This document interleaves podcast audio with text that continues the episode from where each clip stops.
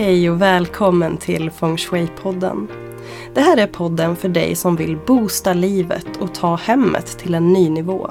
Jag heter Therese Skog och är certifierad Feng Shui-konsult och jag är din guide genom Feng Shuins magiska värld.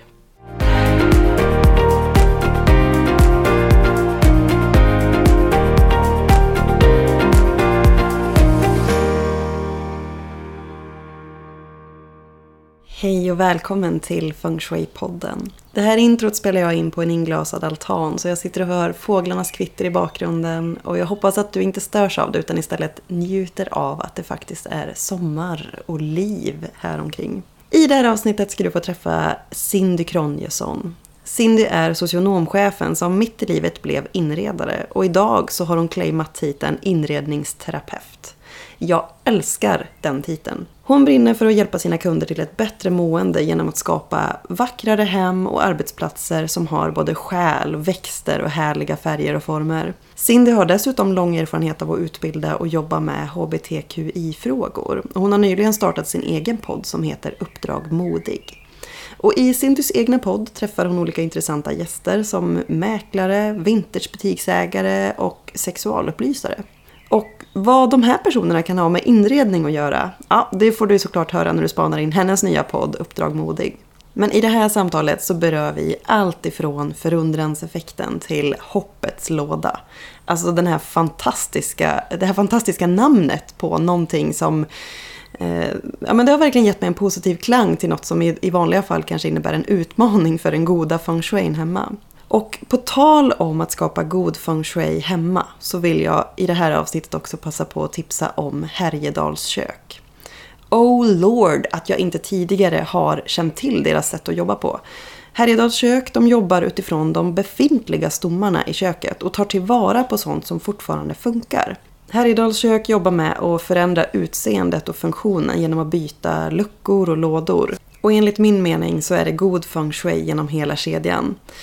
Det är en produkt som tillverkas i Sverige. Det är skonsammare för miljön eftersom du inte river ut hela köket. Det är bättre för plånboken och samtidigt så får du ett vackrare och mer praktiskt kök att faktiskt spendera tid i. Så om du befinner dig i samma situation som mig så är det dags att sluta störa dig på ett slitet och fult kök och ta hjälp av Härjedalsmetoden för att addera det här lilla extra för god feng shui i ditt kök. Så tack Härjedals kök för det ni gör för både miljön, plånboken och oss vanliga dödliga som drömmer om det här fina köket men som kanske inte har tid och lust och råd att driva ut hela skiten. Och tack för att ni sponsrar det här avsnittet.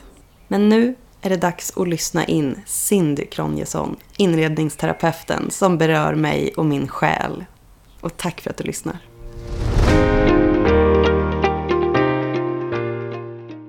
Men jag börjar med att säga varmt välkommen Cindy till Feng Shui-podden.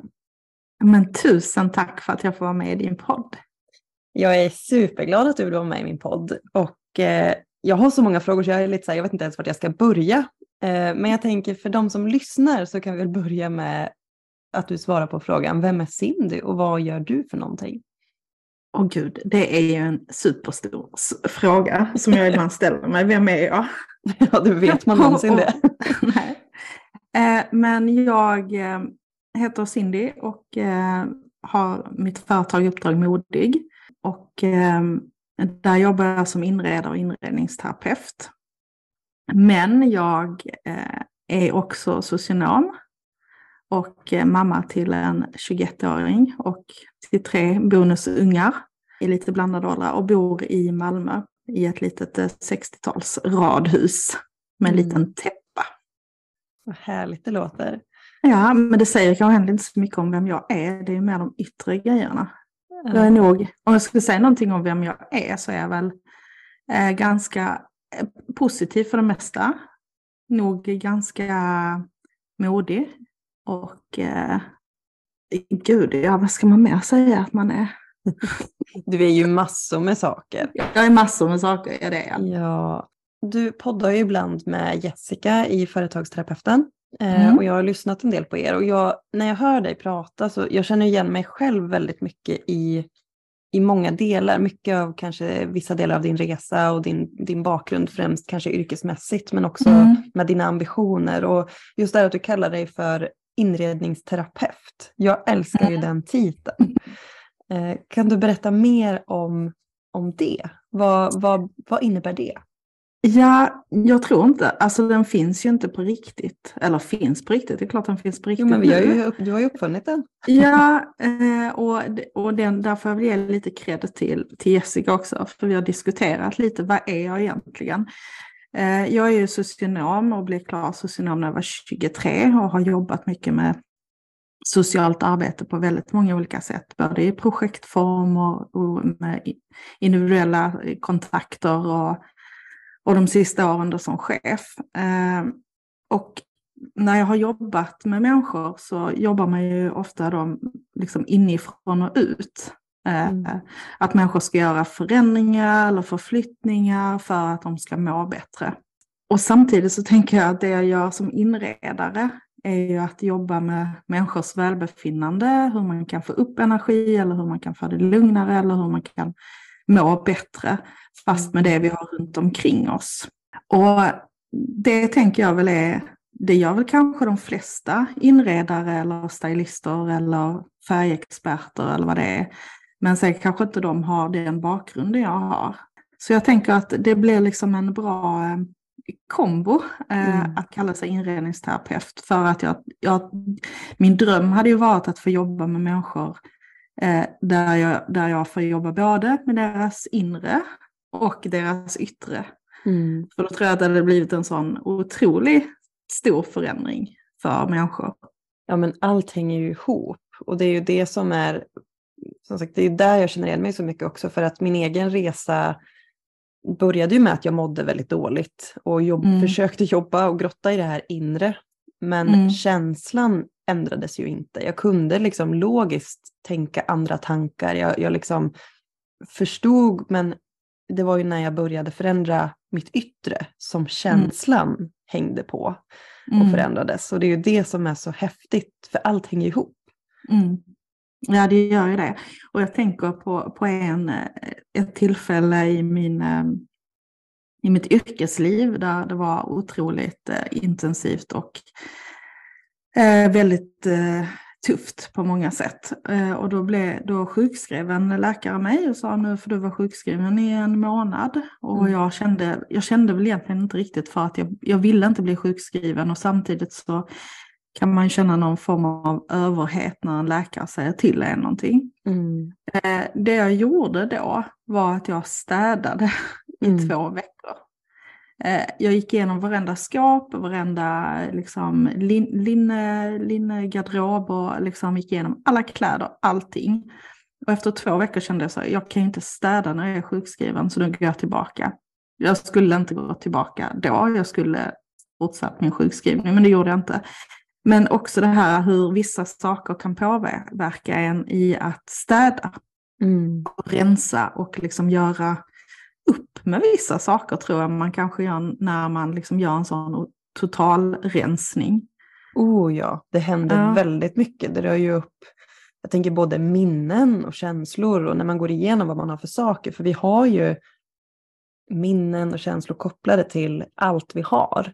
Mm. Och det är klart att när vi börjar flytta runt och göra oss av med saker, kanske släppa taget om både minnena och liksom, mm. det, det rör ju upp jättemycket.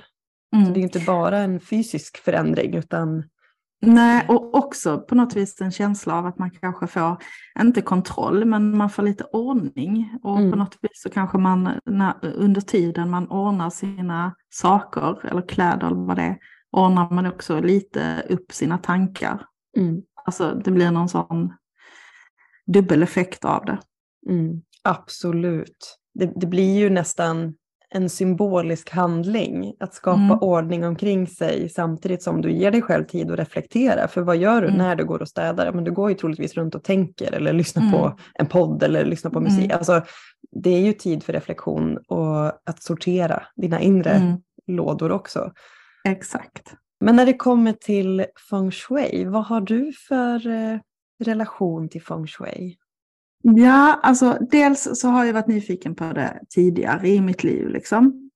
Jag kanske aldrig tänkt att inredning är ett intresse för mig eller att jag åh, jag, jag tycker det är så himla kul med att kunna alla designers eller vad det nu är.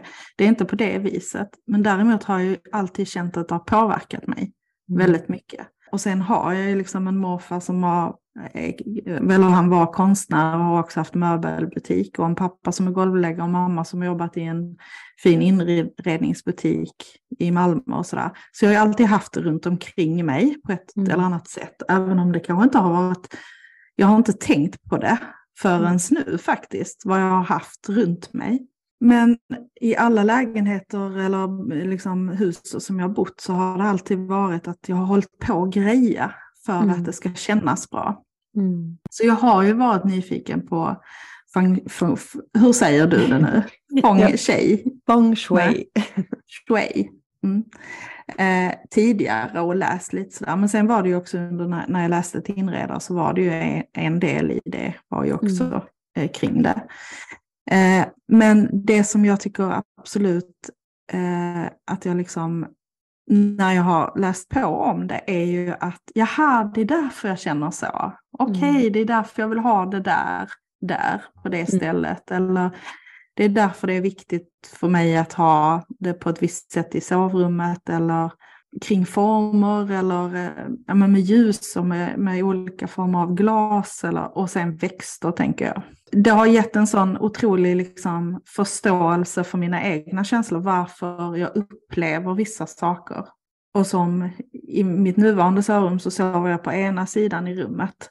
Och jag sov så otroligt dåligt. Jag mm. kunde liksom inte komma till ro. Eh, vi har bott här i ungefär ett och ett halvt år jag kom liksom inte till ro och det kändes bara, det är någonting som inte stämmer. Och jag fick eh, Simon till att nu skulle vi flytta sängar och greja, för det kanske var sängen, alltså själva sängen jag sov på som var fel. Bara, nej.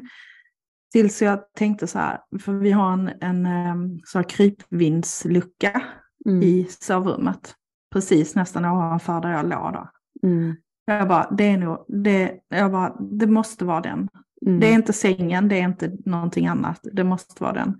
Så jag sa, kan vi, kan vi byta sida? Och det här med att byta sida i en säng, jag vet inte hur många det är som testar det. Vi har men, gjort det. Men, men, det är väldigt många som tycker att det är jättesvårt, för man har liksom sin sida. Eh, så Simon var inte så pepp på det. Men från den natten så har jag sovit så jäkla gott. Ja. Hur har Simons sömn varit efter det då? Ja, men han kan ju alltid sova så att han har nog inte varit så påverkad. Jag kände så, ja, och, och, skulle inte det, alltså skulle han sova också dåligt då hade vi fått byta, byta sovrum. Alltså vi hade fått ändra om här då liksom. Även mm. om jag har en fantastisk tapet där inne och jättebra så hade, jag hade inte kunnat fortsätta sova där liksom. Men det är så spännande, för där är också, vi är så olika känsliga för vår omgivning och där är ju för jag brukar ju prata om att hemmet är en förlängning av dig. Så ditt mm. mående återspeglas ju i hur ditt hem upplevs för dig själv. Det spelar inte roll vad någon annan känner när de kommer hem till dig, utan det är ju vad du känner i ditt hem. Mm. Eh, och jag har ju alltid, alltså jag har ju inte prioriterat mitt hem. Eh, jag har ju aldrig haft ett hem som kanske har varit exakt så som jag har velat att det ska vara. För jag har inte kostat på renoveringar och liksom eh, vilket också blir så himla tydligt när jag är, jag är fruktansvärt dålig på att ta hand om mig själv. Ja, men jag tar inte hand om mitt hem, jag tar inte hand om mig själv. Men den resan är jag ju på idag, där jag jobbar mm. med mitt hem på ett annat sätt och försöker ta hand om mig själv. Det är fortfarande långt ifrån perfekt. men, men det är liksom att bli medveten om hur man påverkas. Och just det här som du säger att man påverkas kanske olika mycket. Ja, det tror jag också. Men du, du, sa, du sa att, eh, att du liksom inte alltid har varit så intresserad. Är du liksom väldigt inredningsintresserad eller är det just liksom feng shui som, du, som är din, liksom så att det är det som triggar dig? Det är feng shui alla dagar i veckan. Och det var ju mm. där jag började. Jag, jag, har aldrig, jag har alltid tyckt om inredning och liksom så, men jag har aldrig varit intresserad av varken design eller möbler eller liksom men jag Nej. har ju känt av hur jag har påverkats. Eh, mm. som när jag bodde hemma i mitt, vårt första hus, liksom hur, ja, men när jag hade sängen på ett sätt så sov jag jättedåligt och när jag hade den på ett annat sätt så sov jag mycket, mycket bättre och liksom mm. eh, känt av eh, och påverkats av det. Men aldrig riktigt engagerat mig så mycket i inredning. Men när jag, och jag har ju varit nyfiken på feng shui sedan jag var liten. Jag kanske Mm. var 10-12 år någonting. När det intresset väcktes. Mm. Eh, och så var det ju Jessica också som sparkade mig i baken och fick mig att börja utbilda mig. För jag hade tittat på den utbildningen så många år. Så för mig är det helt klart feng shui. Och det är att besjäla och liksom ja, men se helheten. Eh, för feng shui, många tror ju att det bara handlar om inredning. Men Mm. det är ju så mycket mer. Det är ju personlighet, det är astrologi, alltså det, det är allt. Mm. Feng shui finns ju i allt. Eh, Det är så himla, himla, himla spännande. Ja. Jag lyssnar på, har ju lyssnat, jag har inte lyssnat igenom alla dina avsnitt än. Jag tänker att det är som en liten godispåse som man får ta en liten godisbit lite mellan varven. Eh, men i något avsnitt så pratade du också om det här med, med liksom framsidan och dörren. Mm. Eh, och att jag tänkte så här, är jag den enda som är så knäpp som, som liksom tvättar min ytterdörr? Och så kände jag bara så här, nej det är faktiskt bra, fast jag har, jag har tänkt att det är liksom ingen annan knäppjök som gör det. Tvättar dörren och dörrhandtaget, så, men jag gör det. Ja. Så det kändes så himla bekräftande, bara, äh, det är bra, jag är rätt på det. ja, det är du. Du bjuder in härliga energier om du tvättar ytterdörren. Så bra. Ja, men och, och som sagt det här med inrednings... Att, att börja jobba som inredare, det har ju inte funnits med på min världskarta. Liksom. Eh, Jag började med feng shui och så började jag min egen process med det. eh, Och bara kände att det här är ju för bra för att inte dela det med världen. Alltså, Mm. Vi alla skulle må så mycket bättre genom att bara bli medvetna om vad vi har omkring oss och hur det påverkar oss. Mm. Eh, sen var det när jag var föräldraledig så, för jag sa, pratade med Jessica också, så tänkte jag att jag kanske ska utbilda mig till inredare för att det kanske är lättare att nå ut. Folk vet vad en inredare gör eller vad det är för jobb. Men feng shui-konsult blir så flummigt så då tänkte jag att då kan jag bredda min kunskap och också lära mig om eh, ja, men rent utseendemässigt Mm. med trender och hur man ska tänka utifrån eh, inredningsbiten. Så. Eh, och jag, det, det komiska var att jag blev spådd i samma Mm. veva innan jag hade Mm. anmält mig till utbildningen till inredare. Och så frågade jag, eller hon visste ju inte vad min fråga var, men min inombords så tänkte jag så här, ska jag hoppa på den här utbildningen till inredare? Mm. Och svaret jag fick var, du har redan allt du behöver. eh, Mm. Mm. Så då, då bara, men jag anmälde mig ändå till den här kursen, för det kan alltid vara bra. Och det har ju varit jätte, alltså en jättebra utbildning, jag har verkligen lärt Ja. mig hur mycket som helst. Men samtidigt så vart det också, det var inte, rikt, det inte riktigt jag. Ehm, och jag hade redan det jag behövde, för att typ en vecka efter att jag hade anmält mig till den utbildningen så fick jag jobb tack vare min feng shui-bakgrund. Mm. Eh, och det ena ledde till det andra. Så idag jobbar jag ju som inredare fast jag brinner för feng shui.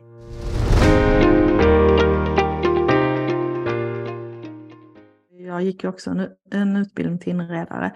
Och eh, det var ju delar som jag kände så här, kommer jag att sitta och rita väldigt mycket, liksom rum för hand och så? Nej, det kanske inte kommer, men det, jag tyckte också att det var lite skönt att lära mig någonting som jag inte kanske själv hade valt att lära mig. Mm. Eh, och också har man jobbat inom socialt arbete i så många år som jag har gjort och man har gått utbildningar och det är liksom lite nya behandlingsmetoder eller det är sådär. Men Mm. det mesta har, det är ju inte så att man känner så wow, det här var helt nytt. Det här eh, känns helt eh, liksom att, man, att jag har fått någon sån kick på länge. Men när, när, när jag då gav mig in i någonting i en helt ny utbildning Mm. så var det ju också som att många fler sinnen växt, väcktes till liv. Ja. Eh, och, och att jag kan känna att, ja precis som inom feng shui, feng, gud jag kommer aldrig kunna säga det, det är tur att Säg jag, jag ska inte, jag, ska, jag kan inte bli det, jag kan inte, bli, jag kan inte lä, läsa en sån utbildning för jag kommer aldrig kunna säga vad jag är då. Men, men att jag fick väldigt många så här aha-upplevelser genom hela, hela den utbildningen också. Att, att, att, att det finns liksom, eh, säga, formler för hur det ska se ut och då mår vi så, så bra som möjligt. Precis. Mm. Och det där tänker jag, att, att skapa bästa möjliga omgivning är ju en kombination av att använda de här formlerna eller liksom, Mm. eh, och känsla feng shui. Alltså, Mm. vi, vi utövar ju mycket feng shui undermedvetet. Oavsett om du Ja. har någon aning om vad det är. Det finns en anledning till att vi ställer sängen mot en vägg. Det hade känts Mm. jättekonstigt att sova mitt i rummet utan Mm. liksom, stöd runt sängen. Då hade Någonstans, ja. man ju susat runt huvudet. Liksom. Mm. Och sen tänker jag som inredare också att ja, man kan veta alla saker, man kan ha så, men sen är det ju ändå människan man möter Precis. som eh, på något vis ändå präglar, präglar det hemmet som, som just de vill ha. Mm. Eh, och att där tänker jag att, eh, att det är bra att vara så lyhörd man kan. Sen, Ja. är det ju, sen måste man ju utmana lite i liksom vad det, de kanske har fastnat för någonting. Mm. Och att man vågar utmana lite i att har du tänkt detta eller kan du tänka dig att ändra om på detta viset eller Mm. de här färgerna. Precis. Men jag tycker det finns ju ingen, hade det funnits en universal lösning, så här ska du inreda ditt hem för, och så mår vi jättebra, då hade ju alla haft det på det sättet. Mm. Vi är ju alla olika med olika Mhm. behov och mm, olika bagage och liksom förutsättningar. Så att det, det är ju helt individuellt. Mm. Och så kan det ju vara också beroende på vart du befinner dig i livet, vart du bor någonstans. Allt förändras ju. Ja, men jag tänker som, som Simon som är, spelar i, i punkband Mm. och har massa bas, basar, basar, baser. Ja. Mm. eh, och gitarrer och sådär. Att det är, ju, det är ju en del av hans liv och det är ju en, del, det är ju en förlängning av honom, hans Mm. instrument. Och det är klart att han vill ha ett rum där, där det får finnas och där de syns. Mm. Eh, samtidigt känner jag att jag som inte spelar något instrument, då hade det kanske blivit väldigt konstigt om jag hade inreda med, med gitarrer eller sådär. Ja, det kanske skulle kunna trigga mig till att börja spela. Men, Mm. men det är ju inte, det är inte en del av mig på det viset. Eh, och det är ju också intressant när man flyttar ihop. Hur får man ihop två, två människors, både olika personligheter men också människors liv liksom. Mm. Och det är ju det som är, det kan ju verkligen vara utmanande i ett Mm. hem där man är flera familjemedlemmar. Det är flera viljor, det är flera behov, det är barn som inte gör som man säger, det är liksom hundra par skor. Det är klart att bor du själv då är det lättare att ha det optimala hemmet för just dig. Men det handlar ju också om att kompromissa. Det är ju så det är i livet. Oavsett vilka Mm. situationer vi befinner oss i så behöver vi ju kompromissa med andra. Mm. Eh, För vi har kanske kollegor, vi har kanske liksom, vi har ju relationer till andra människor i alla lägen. Mm. Så det är också en form av anpassning. Och jag tänker, nu har vi pratat lite om ja, men olika så här, eh, hur man inreder bäst eller sådär utifrån olika läror eller formler eller vad man ska säga. Och vi har pratat om människorna, men jag tänker också för mig att det handlar rätt mycket om huset. Huset har ju en Eh, egen själ. Ja, men precis. Och där känner jag ju också väldigt mycket. Jag bodde tidigare i en 50-talslägenhet. Mm. Eh, eller den var, eh, och där var 50-talsköket var kvar. Mm. Och jag älskade det. Jag tänker Ja. att det måste ha bott någon tidigare som har älskat att vara i sitt kök och så. Men det, det, och, och då kände jag ju att jag måste hitta en stil som funkar för lägenheten och för stilen. Nu gillar Mm. jag ju, jag kan ju tycka att delar av 50-60-tal är väldigt snyggt. Men att också följa huset lite. Mm. Jag, jag pratade faktiskt med en häromdagen om det. Som, hon bodde i en gammal släktgård från 1903 typ. Eh, och höll på att renovera. Och liksom, för då pratade vi om det här att det skulle ju skära sig totalt om du hade en sån gammal anrik... Alltså huset har ju mycket själ, mycket liksom, erfarenhet. Och skulle man då blåsa ut hela inredningen och in med så här högblankt golv och rostfritt. Och det skulle ju bli en Nej. krock. Man Ja. måste, sen, sen kan jag, jag gillar ju det här att eh, blanda, mixa stilar. Eh, så att du får med både, vi lever ju 2023 så det är klart att man måste ju plocka med huset till 2023. Mm. Men att ändå respektera husets eh, själ. Ja men precis, det tycker jag också är skithäftigt att man kan ha liksom någonting som är väldigt ja, men nutid. Mm. Eh, och att eh, det är självklart att vi inte bara kan eh, gå tillbaka till 1903 och leva inreda som man kanske hade då. Men, men att också ta lite hänsyn till, till mm. huset. Mm. Absolut. Så det är, som sagt, det är många bitar att tänka på, men jag tror att bästa rådet jag skulle ge är nog tänk inte så mycket, gå på känsla, liksom, för då blir det oftast mm. bra. Mm. Eh, och jag tror att det är där vi kanske är dåliga på att ställa oss den frågan, hur vi vill känna. Man går mer på vad man tycker är fint, eller vad man liksom, men, men hur vill jag känna? Vad behöver jag för mm. att känna på ett visst sätt? Ja, och också det där att man kanske går på trender. Och jag tänker att trender gör ju någonting med oss också, för jag tror att trender inte bara är liksom till ondo, utan det liksom för oss framåt. Mm. Men, men, eller att, att man tittar på hur har andra det? Och mm. jag vill ha eh, exakt likadant, eller att man tittar på kanske ett eh, sånt här showroom på Ikea och tänker precis så vill jag ha det och mm. så köper man alla grejer och så blir det ändå inte så Nej. när man tar hem det. Eller man tittar i tidningar och tänker, ja okej okay, det är de här sakerna som är inne nu, därför ska, vill jag också ha dem. Mm. Och det är ju så synd för att, att inspireras, tänker jag, toppen. Mm. Och att man ser någonting som, som man verkligen känner någonting inför och mm. vill ha. Eh, är ju också jättebra, men att också våga vara lite unik och våga ja, men, ta in sig själv. Och, mm. och inte bry sig så mycket om andra.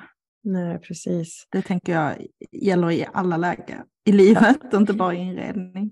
Ja, men så är det ju. Man får ju ständigt liksom påminna sig själv om också, för vi är ju påverkningsbara och när vi inte känner efter utan bara går på impuls så är det ju kanske svårt. Vi behöver ju plocka tillbaka oss själva till okej, okay, nu tyckte jag det här var väldigt fint, men vad vill jag om jag tänker i ett längre lopp liksom? Mm.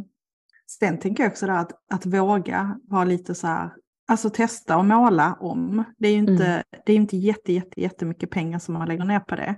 Nej. Och blir det inte bra, nej men man kan göra om. Mm. Vad är det att, värsta som kan hända?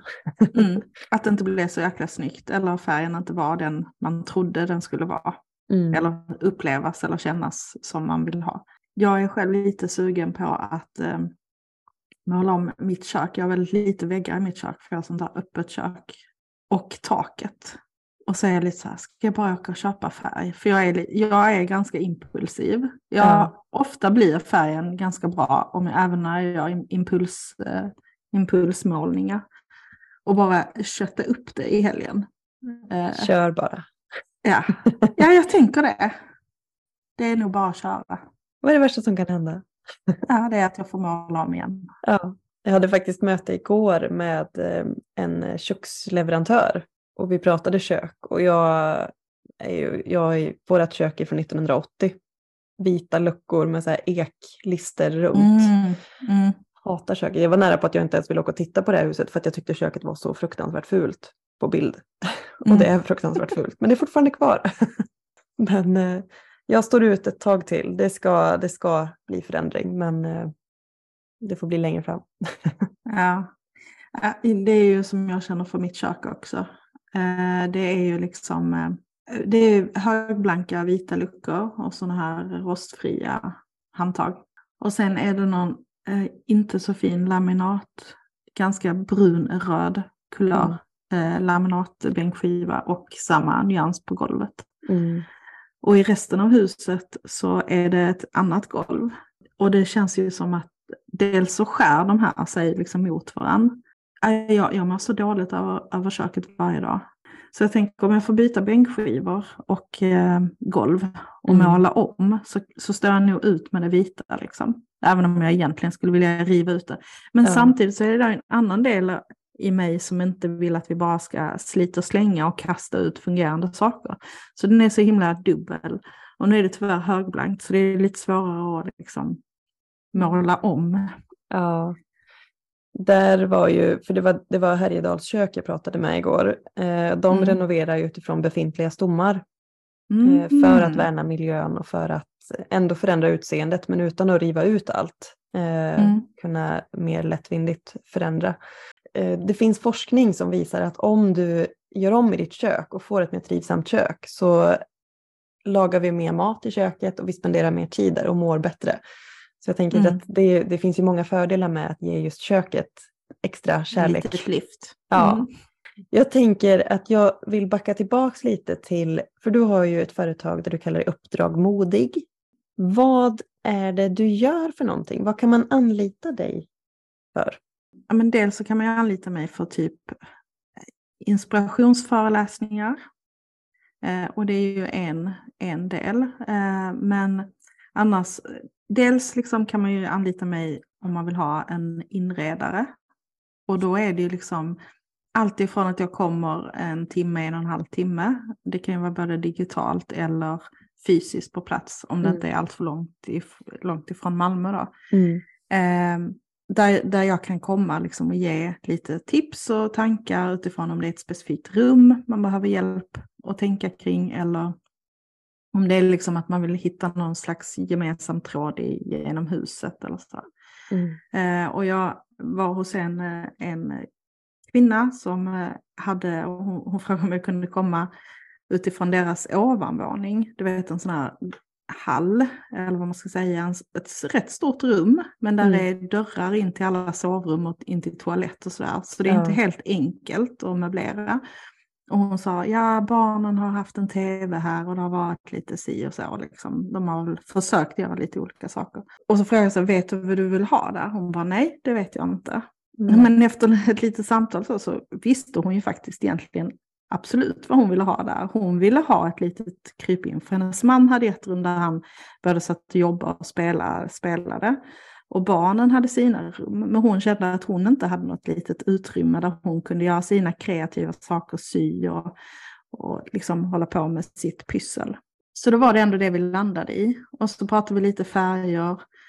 Eh, och hon hade något litet 90-talsskåp eh, som eh, kanske var anno 1990. Mm. Eh, Och så frågade jag, använder du det? Hon bara, ja, ja, där har vi alla våra viktiga papper och pärmar och sånt. Så, ja, men då ska du inte kasta ut det, men du kanske kan måla om det. Mm. Att hitta liksom sådana saker. Eh, så jag tror att hon blev ganska liksom, nöjd med det. För, för ibland är det ju att man vet väldigt tydligt, jag vill ha Mm. hjälp med detta. Mm. Men ibland vet man inte riktigt. Och där kan ju jag också hjälpa till att hitta. Och sen gör jag ju även uppdrag inför flytt, alltså konsultationer och, och även ibland stylar i boende liksom inför försäljning av bostäder. Vad, vad skulle du säga är eh, alltså, största utmaningen med ditt jobb? Det är nog att jag tror att de flesta inte riktigt har förstått hur mycket inredning och det vi har omkring oss påverkar. Alltså Mm. hade man förstått det så tror jag att då hade man kanske varit lite mer eh, hjälpt av att eh, och tänka att ja, men jag anlitar någon som kan hjälpa mig med detta. Mm. Eh, jag tror också att man hade insett att man kan göra mindre felköp Mm. och också spara in pengar. Ja. Ehm, och jag brukar säga det till dem som jag möter, mina kunder som ska flytta. Alltså ofta träffar jag dem i de- deras befintliga lägenhet som de då ska sälja. Och så säger många så, gud vad fint det är nu, jag vill nästan inte flytta, min lägenhet är ju så himla härlig nu, eller vad det kan vara. Mm. Ja, så, och det är ju så här du ska känna i ditt nya boende. Precis. Mm, Ja, men det, det har väl aldrig varit så fint hemma hos någon som innan man flyttar. Alltså, det är både grundligt städat, det är liksom stylat och iordninggjort. Mm. Varför unnar man sig inte det när man kommer till en ny plats? Det, och sen tror jag att man tänker, ja men ja, vi köper de här nya sofforna och vi gör det och vi gör det. Och så blir det kanske inte som man har tänkt sig. Eh, Så att jag tror att, att kanske är det att man inte riktigt eh, förstår hur mycket det kan påverka och hur mycket det kan hjälpa. För jag menar som det ser ut nu så tar vi hjälp med mycket annat. Mm. Alltifrån att någon eh, handlar till en till, till eh, personliga tränare eller eh, terapeuter eller psykologer. Att man, går liksom, man gör väldigt mycket på andra plan. Men Mm. det är stället som faktiskt påverkar oss mest. Ja. Där tänker vi, det löser vi själva.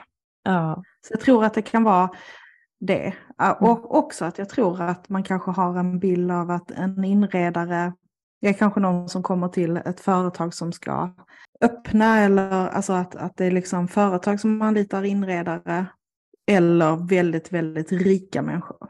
Mm. Alltså över, överklassen. Det är de ja. som kanske anlitar.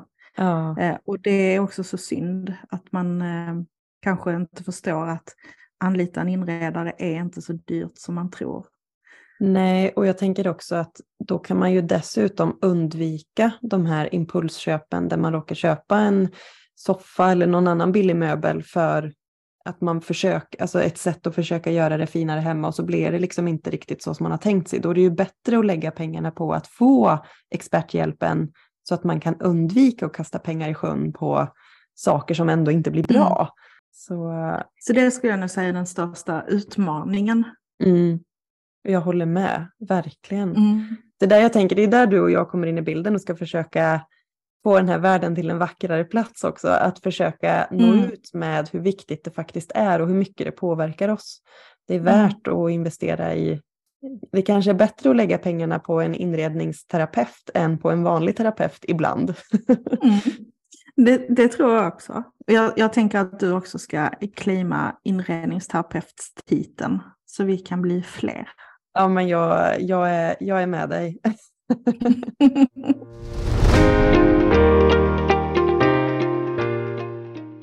Men vad skulle du säga är det roligaste med ditt jobb då? Ja, men det roligaste är nog kombinationen eh, människor och eh, att se hos dem när man gör någonting. Se i deras ögon att eh, det händer någonting och att de uppfattar att det blir en förbättring. Alltså, mm, och igår var, gjorde jag en för, eller föreläste jag för ett gäng chefer om ja, men både fundranseffekten och designfullness och färger, påverkan. Mm. Och det var ju väldigt många av dem som inte hade, no, har, har aldrig hört talas om de här sakerna.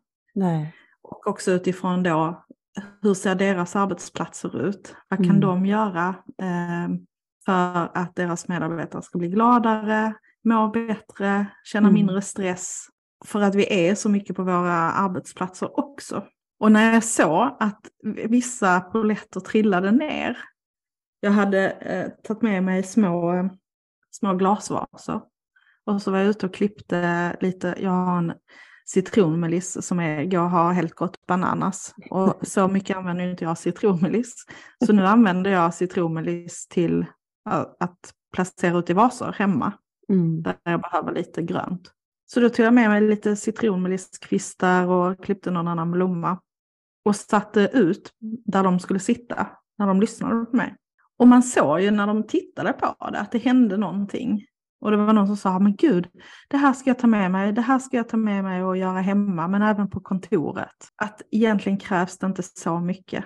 Nej. Och det är väl det att, att få människor att eh, liksom öppna upp och förstå att det handlar inte om att vi behöver inreda om hela arbetsplatser eller hela hem för att skapa den där äh, bra känslan. Både enligt feng shui och enligt liksom andra, alltså kring färg eller andra former eller Precis. Nej, och det är där, jag, de här tröjorna som jag har tryckt upp nu med den här texten, mm. add a little feng shui, det handlar ju precis om det, att ge lite extra precis där du är för att höja energin eller göra det lite mer trivsamt för stunden.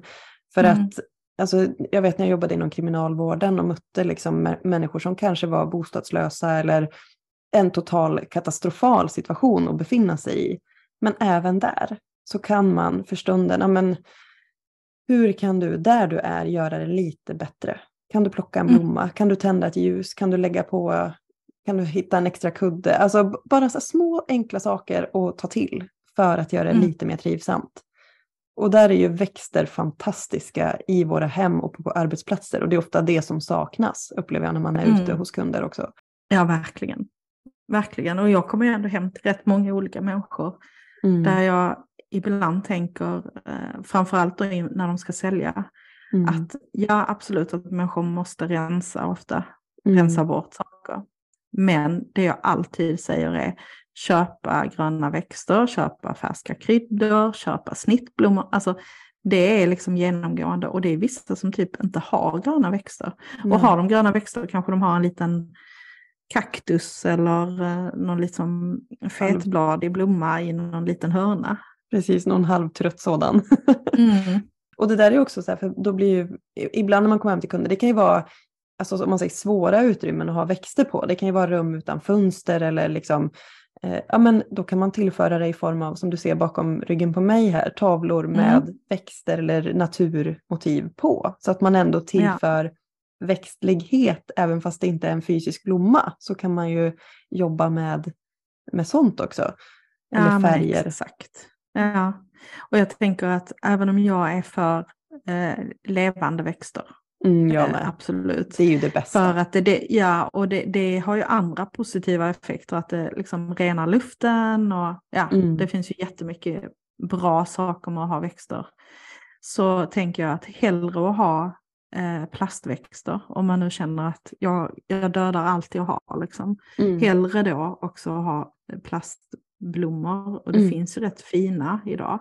Ja, gud, Eller ja. precis som du har då, eh, eh liksom posters med mm. natur i.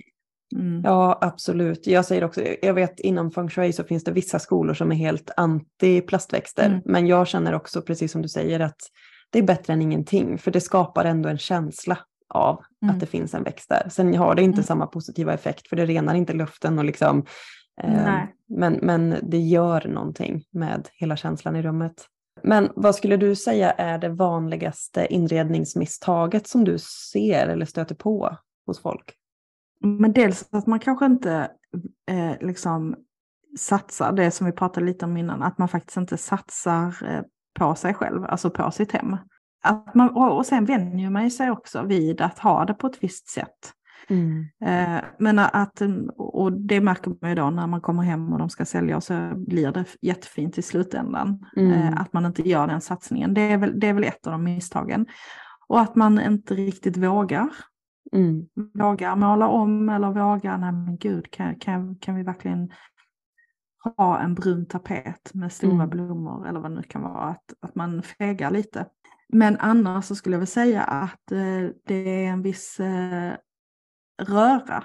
Ja men att det är många små saker som stoppar upp energier mm. och flöde och att det också tar vår energi visuellt. Att det är mycket små saker. Alltså alla de här sk skorna som väl all, de flesta har i en hall.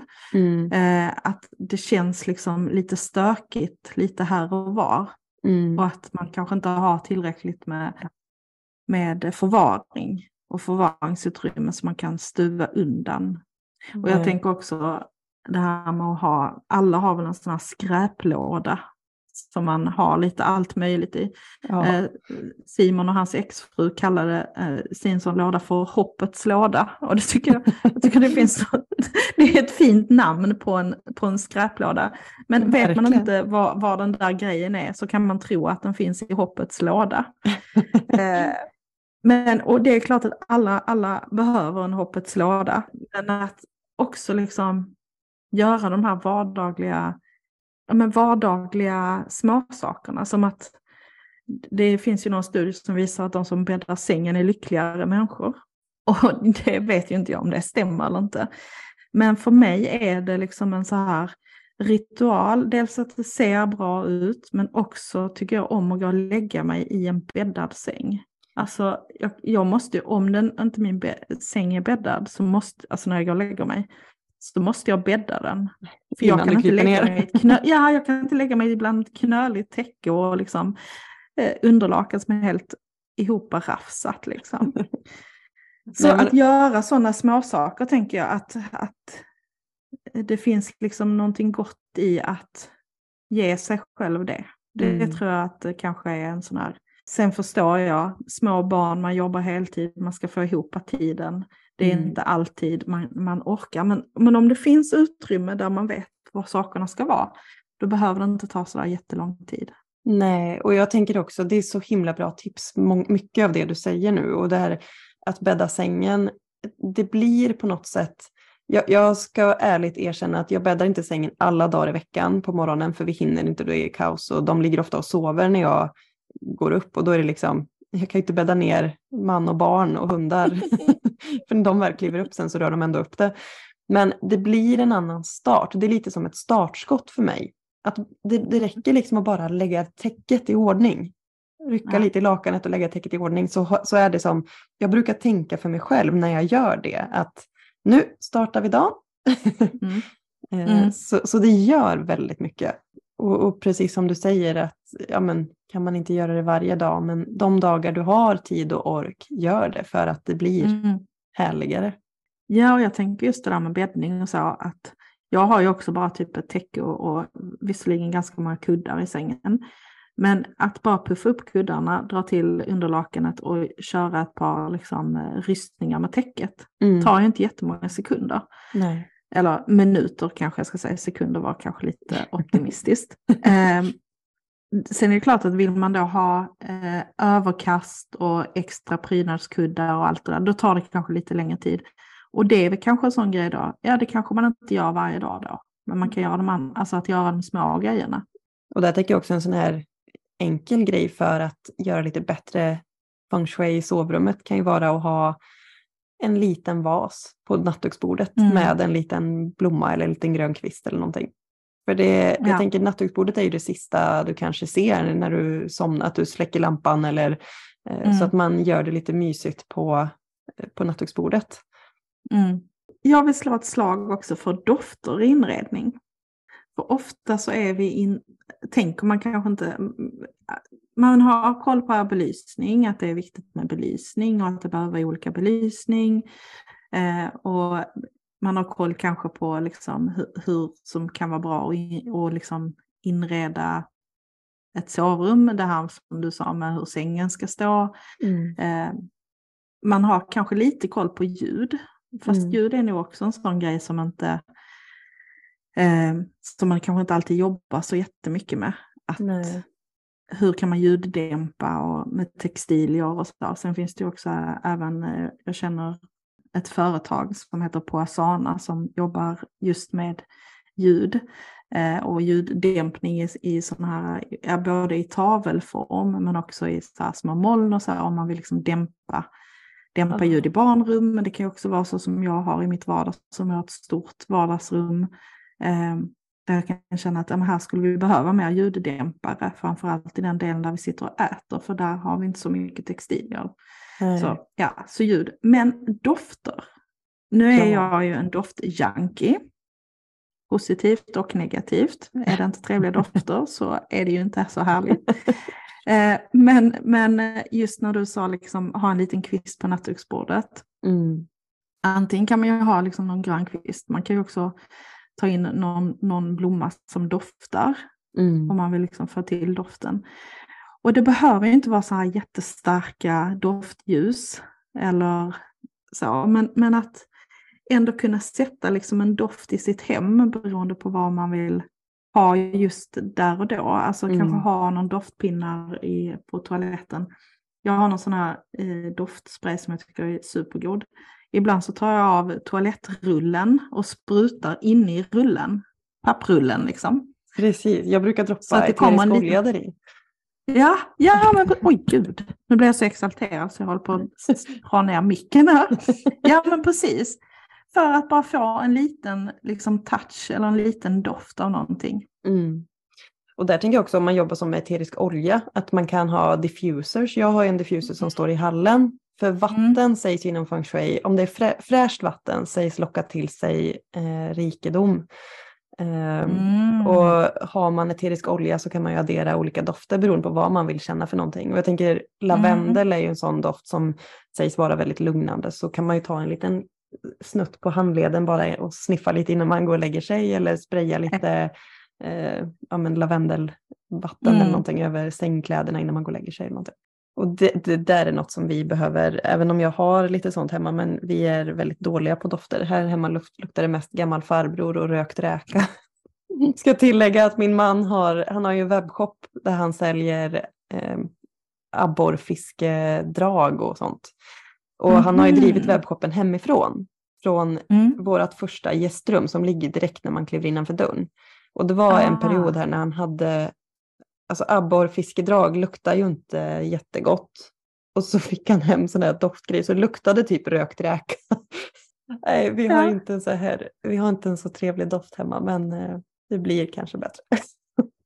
Ja, och som, som jag sa till dig precis innan vi drog igång här så finns det ju tonåringar med kompisar som kommer hit ibland och ibland då när de tar av sig sina skor i hallen så känner jag att det inte doftar gammal gubbe men det doftar inte angenämt alltså. Och jag vet inte riktigt för hur, jag, hur man ska jo- jobba med just det.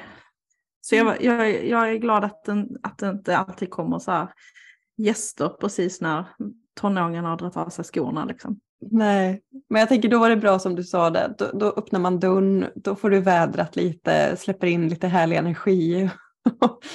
och så fram med de här sprayerna. precis.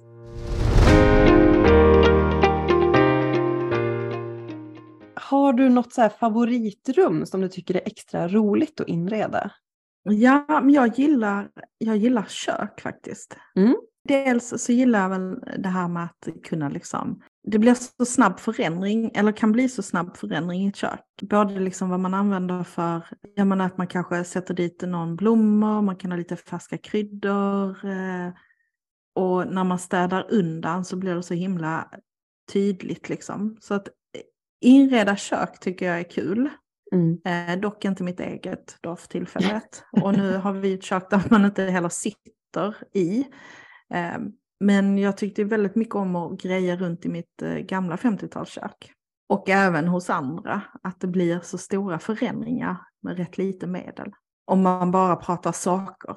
Eh, Sen klart att man kan måla om och, och så, det gjorde jag ju också i mitt eh, gamla kök, måla luckor och så. Mm. Så kök tycker jag nog är, är väldigt roligt att eh, fixa med. Kul. Om jag Mm. tänker motsatsen där då, är det, vilket rum tycker du är svårast att få till? Jag skulle nog säga att jag tycker att tonårsrum är svåra att få till.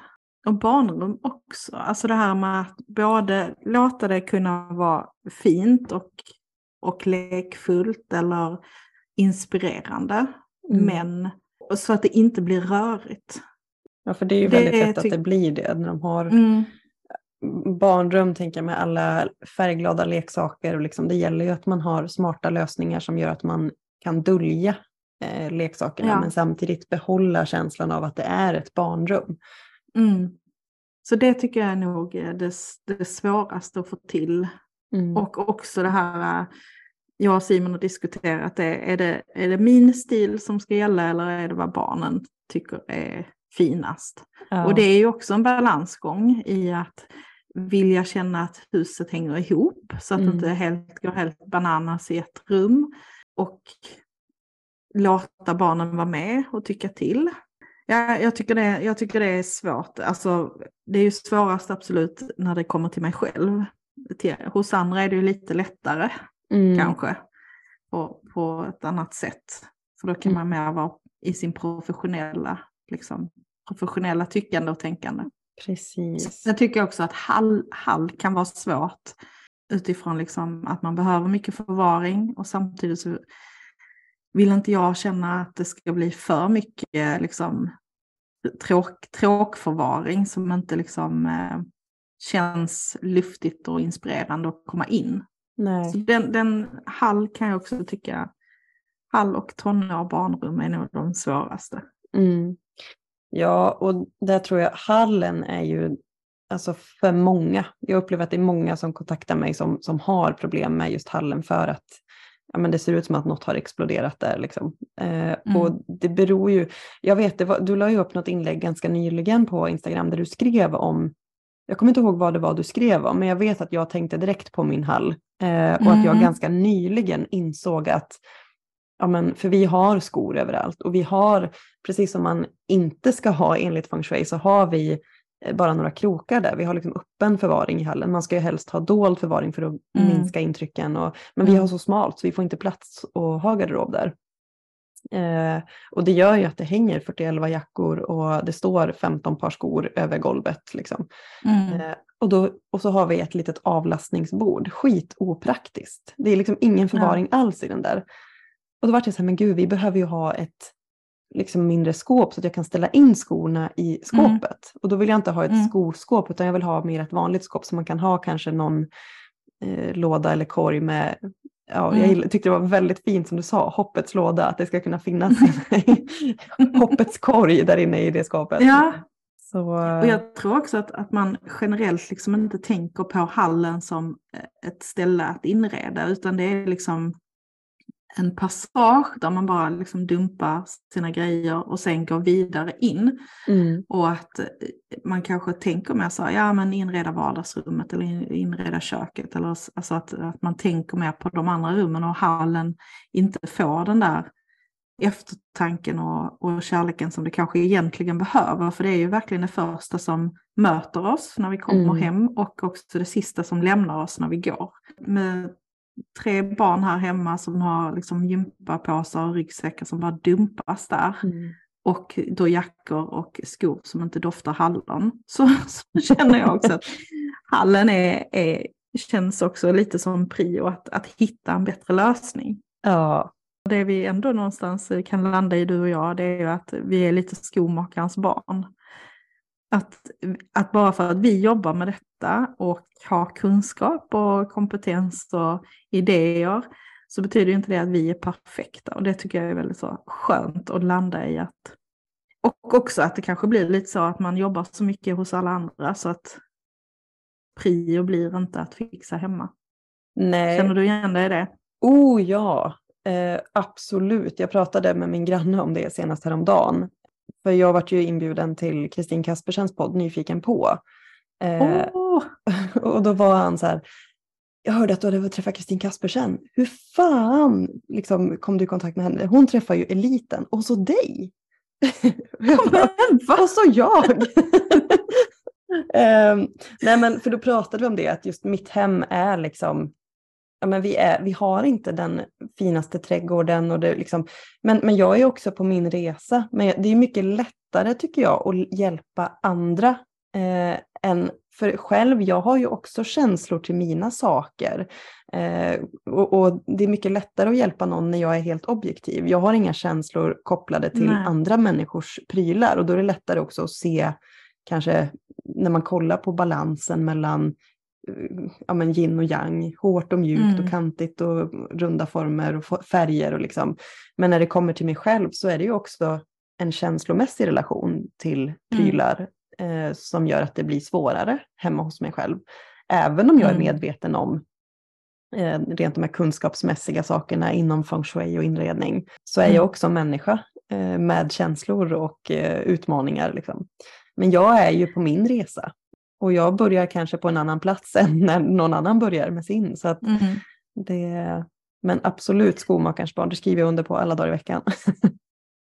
ja, och just det där eh, som du sa, att vara objektiv. Jag tror ofta att det handlar om det att, att man, eh, man blir liksom hemmablind på sina saker mm. och sin, sitt hem. Och ibland behövs det bara någon annan som kommer in och ser hemmet med, ett, med andra ögon. Mm. Eh, man kan ju vara hur himla bra som helst på inredning men man får inte till någonting för att ja, man har bara blivit hemmablind eller att man då har en känslomässig, alltså något känslomässigt band till, till, till sina saker. Det tror jag också är en grej att det kan vara bra att ta in. Mm. Ta in någon, någon utifrån. Ja, oh, ja. Men bara att få inputen och bara få inspiration från någon mm. helt objektiv som ändå kan lite om färger och former och liksom, eh, mm. det gör ju också att för de kanske ser saker utanför boxen. För man är så inrutad med att det är så här det ska vara. Jag kan inte möblera på ett annat sätt. Jag vet inte hur mm. många gånger man kommer hem till någon som bara, nej men vi kan inte ha sovrum på ett annat sätt eller vi kan inte göra på ett annat sätt. Och så kanske jag ser en lösning som kan vara ett alternativ. Och då blir det så här, mm. men gud, det har vi inte ens tänkt på. Nej. Nej, men precis. Precis så är det ju. Ja. sen har jag alltid varit en sån som gärna vill möblera om väldigt mycket hemma. Sådär. Mm. i min gamla lägenhet så var det verkligen så här, soffan stod där på den väggen, sen stod den på en annan vägg och sen flyttade jag matbordet åt fönstret, sen flyttade jag in det i rummet och sen flyttade jag tillbaka. Så. Mm. Och det tror jag, nu har vi inte pratat så mycket om det och förundranseffekten och det här, men att, att göra om lite eh, mm. hemma hos sig själv. Även om inte det kanske är den här maximala känslan som man kan få av förundranseffekten när man ser någonting liksom en vacker solnedgång. Eller, eller... Nej, precis. Det kanske inte är det, men det händer ju någonting också för att vi, vi vänjer oss vid att det ska se ut på, på ett visst sätt. Mm. Och där tänker jag lite så enkla tips för att liksom, om man nu inte känner att man kanske vill möblera om helt, men att så byta ut eh, filtar i soffan, kuddfodral, köpa ljus i olika färger mm. och liksom jobba med sådana småsaker. Att man köper kanske några nya posters och så kan man byta, eh, mm. liksom bara byta ut motivet. Mm. Och så eh, får man en, en annan känsla i rummet. Ja, gud ja. Och det där tänker jag, för inom feng shui har man det här tipset att flytta på 27 saker för att röra upp energi och liksom, ah. så känner du att du har kört fast i livet och att det liksom har stagnerat, flytta på 27 saker. Det kan ju vara att möblera om, det kan vara att flytta små saker Eh, men jag tänker att det, det, är också när man har möblerat om eller när man har eh, rensat, sorterat, gjort i ordning en plats. Den mm. njutningen man känner, det håller ju mm. i sig ganska länge. Alltså bara att storstäda hemma när man kommer hem. Det, man njuter ju. Mm. När vi flyttar in på en plats eller när vi bor på en plats och så möblerar vi och så är det klart och så låter vi allt bara vara. Då stagnerar mm. det ju också med tiden om vi inte liksom, kanske möblerar om ibland eller städar av ordentligt. Eller liksom, för att undvika stagnation så behöver vi också röra om lite i grytan ibland. Sen tänker jag lite det här med att jobba med, med motstånd, eller jobba med motstånd kanske är fel. Eh, men på vår toalett så är där, eh, det är liksom grått golv och vitt kakel på väggarna. Mm. Och sen är det en röd liksom pelare bakom toaletten. Mm eh, i någon form av mosaik.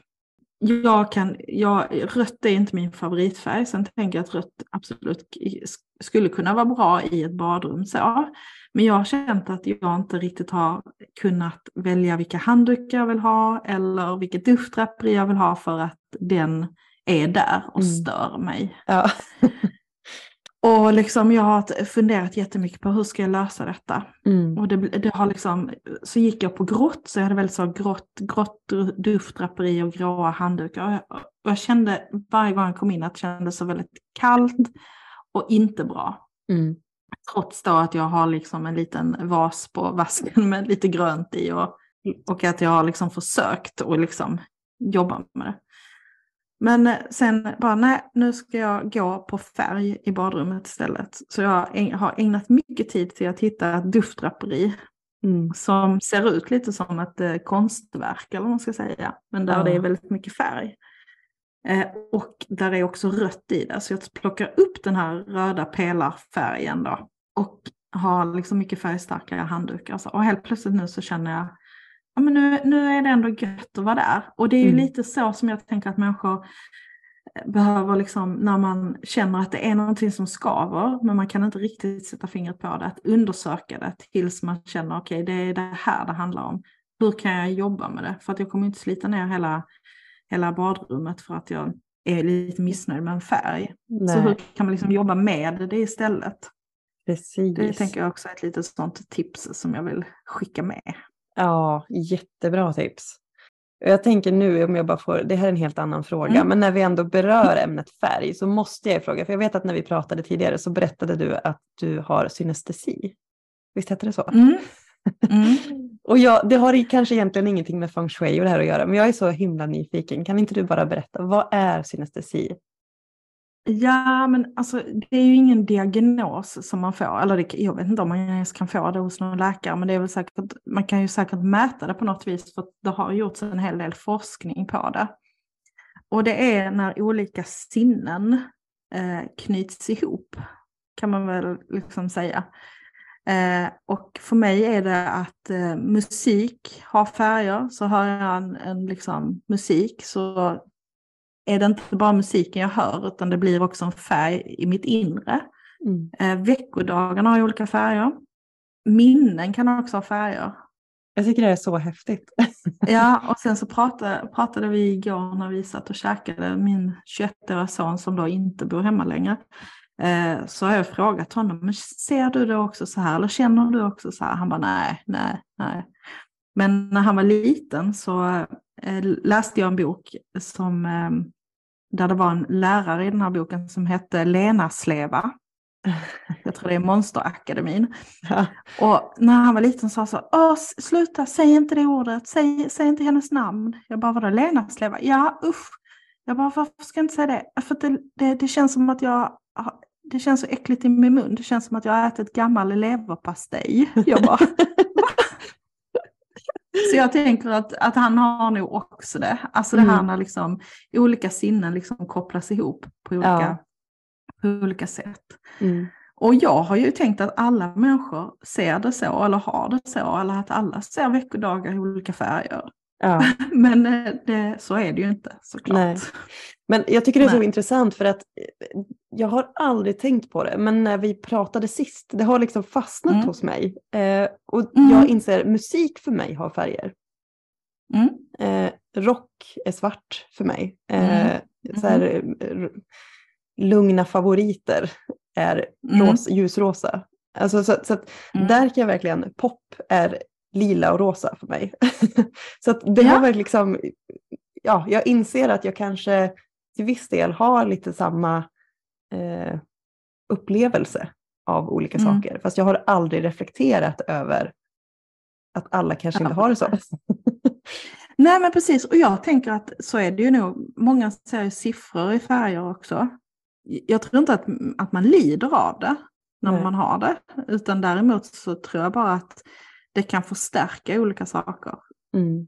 Att musiken får ju ytterligare en dimension. Mm. Jag kan också, precis som du sa, liksom att eh, den musiken som Simon spelar, den får, alltså jag blir ju superstressad av den. Mm. Men den är ju väldigt så här mörkgrön, svart, mörkbrun och väldigt spetsig och kantig och har också former liksom.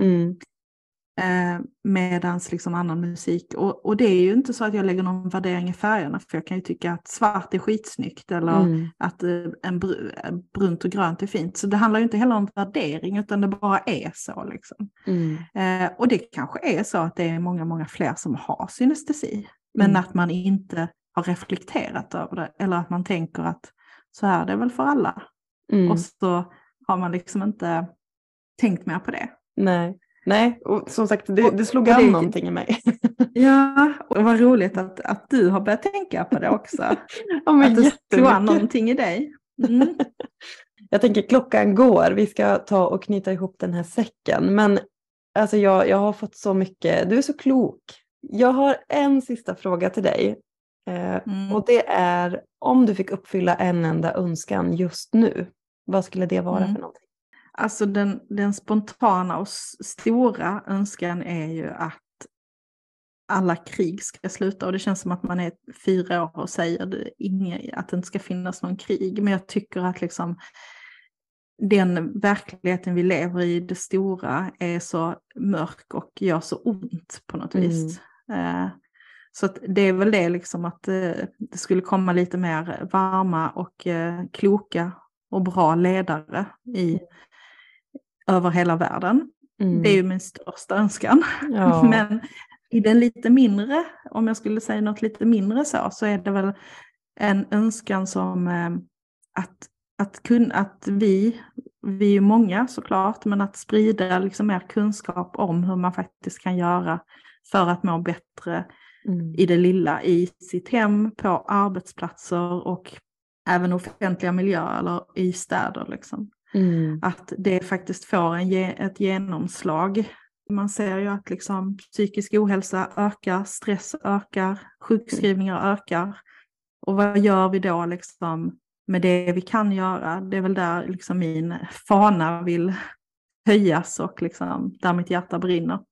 Härligt. Vi kom, tillsammans kommer vi att göra världen till en vackrare plats, det är jag helt övertygad om. Och det är ja. så roligt att prata med dig Cindy. Jag, jag skulle kunna fortsätta i timmar. vi får fortsätta off record.